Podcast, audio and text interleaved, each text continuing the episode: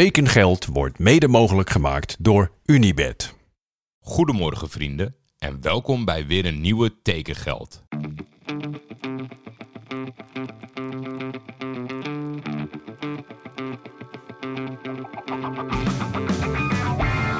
Waar gaat Hilterman naartoe? kan u mededelen dat er overeenstemming is bereikt met Johan Cruijff bij Feyenoord. Navarone voor. Vandaag in andere kleuren, hè? Ja, dat zeker. Dat is wel even wennen natuurlijk. Berghuis, een van de meest besproken transfers ooit, denk ik. Gisteren keek ik uit naar de regen en ja, dan zal je het altijd zien, kom je midden in een gigantische bui terecht. Ik was echt binnen 10 seconden volledig doorweekt. Maar ja, genoeg daarover. Laten we vandaag gewoon meteen beginnen. Het was een heerlijke dag, maar niet al te veel bijzonders om te melden. Pieter Nagelhout zei terecht tegen mij op Twitter: Ga je het gewoon niet hebben over Charlie Mousonda? Want dat hoofdstuk is afgesloten. Gisteren heb ik op Twitter nog wel de aankondigingsvideo gedeeld van Levante. Want daar is hij uiteindelijk neergestreken. Hij was fantastisch. Mooi geluid.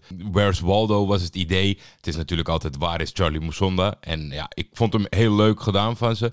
En ik hoop vooral dat Charlie zichzelf kan terugvinden bij de Spaanse club. En dat we het in aankomend seizoen gaan hebben over zijn voetballende prestaties. In plaats van de speurtochten die de meestal rondom Mousonda zijn.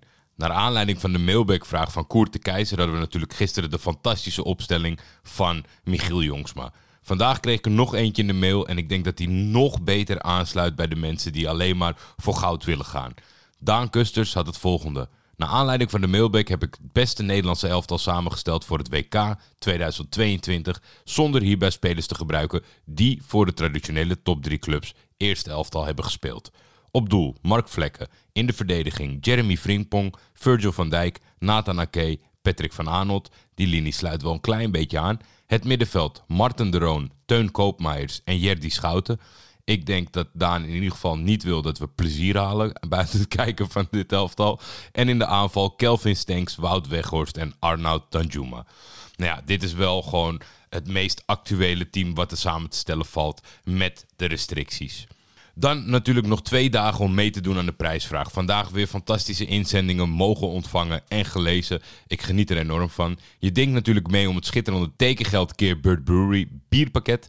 En dat doe je door te antwoorden op de volgende vraag. Welke zwaluw maakte echt geen zomer? Wie was die grote transfer waar je zo naar uitkeek, zoveel verwachtingen van had, maar helemaal niks bracht voor jouw club?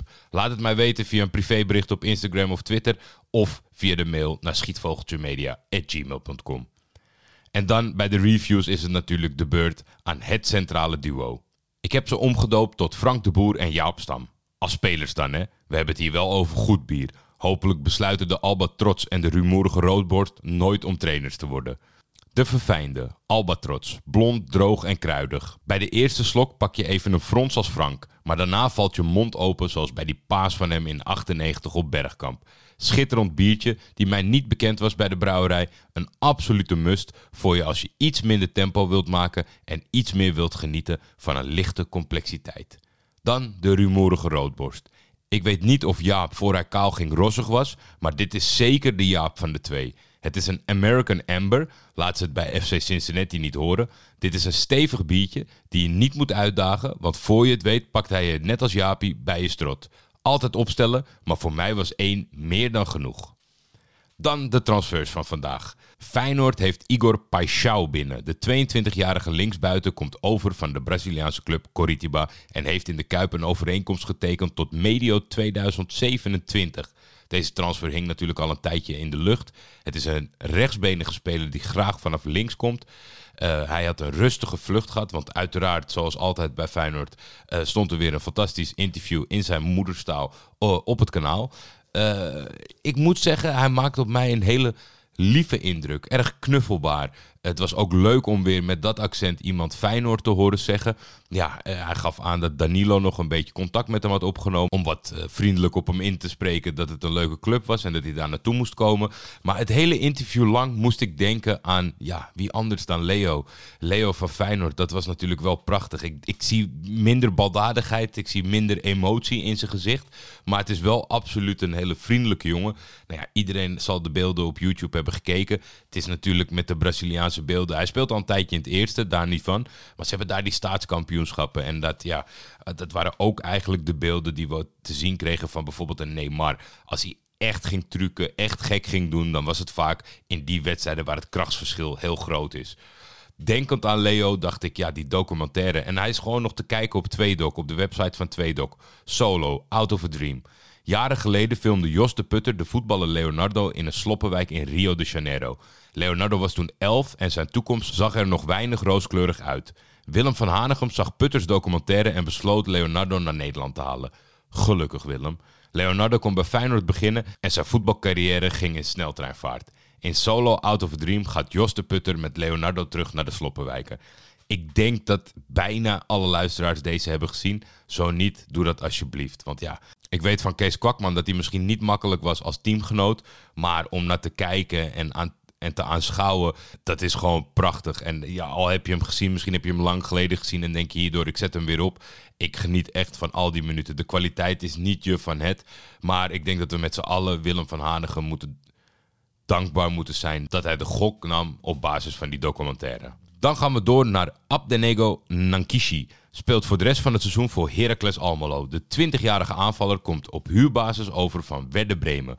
Abdenengo heeft nog weinig ervaring bij de senioren, maar wel indrukwekkende cijfers in de Duitse onder de 17 en onder de 19 competities. Dus wie weet is het een leuke attractie om naar te kijken dit seizoen voor de Herakliden. Moritz Nicolas staat komend seizoen onder contract bij Rode JC. De 24-jarige doelman wordt voor de duur van één seizoen gehuurd van Borussia Mönchengladbach. Nicolas, geboren in Gladbeck, Duitsland, natuurlijk van die documentaire op Netflix nu, begon zijn profcarrière bij Rood-Weiss Essen, waarna hij in de zomer van 2015 de overstap maakte naar BMG. Vervolgens stond de doelman onder de lat bij Union Berlin en VfL Osnabrück. En was hij afgelopen seizoen met 34 optredens de vaste torwart bij FC Victoria Keulen. Dat uitkomt in de dritte liga. Uh, in het interview op de website eh, van Roda komt naar voren dat hij al eerder heeft uh, ervaring opgedaan bij Union en Osnabrück. Dat is vooral trainingservaring, want daar heeft hij amper een wedstrijd gekiept. Maar op het derde niveau was hij inderdaad de vaste doelman.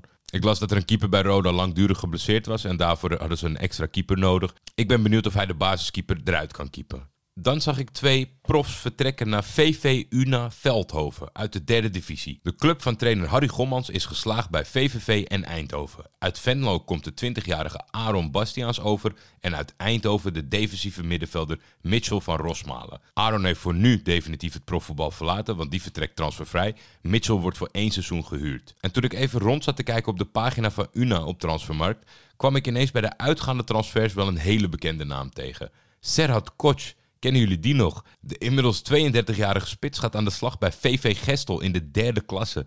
Dat is misschien wat een jonge leeftijd om zo ver af te zakken. Zeg je Serrat, zeg je natuurlijk 2008, 2009, Eindhoven. Klein, snel, behendigd. FC Groningen had genoeg gezien en nam voor 2 ton meteen de gok. Maar het zou er eigenlijk nooit meer uitkomen. Nog wel echt verdienstelijk gespeeld in de keukenkampioen-divisie.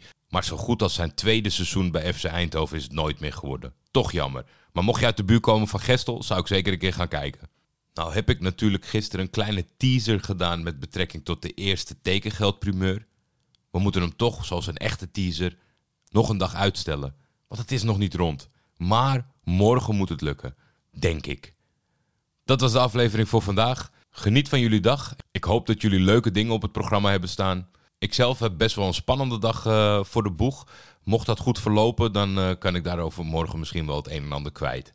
Het tekengeld bierpakket is natuurlijk nog steeds te bestellen via de link in de omschrijving van de uitzending. En dan altijd de kortingscode tekengeld gebruiken voor een mooie korting. Tekengeld is een Schietvogeltje Media Original. De intro's van Jacco den Hertog. Voor commerciële vragen en of samenwerkingen kun je mailen naar schietvogeltjemedia.gmail.com.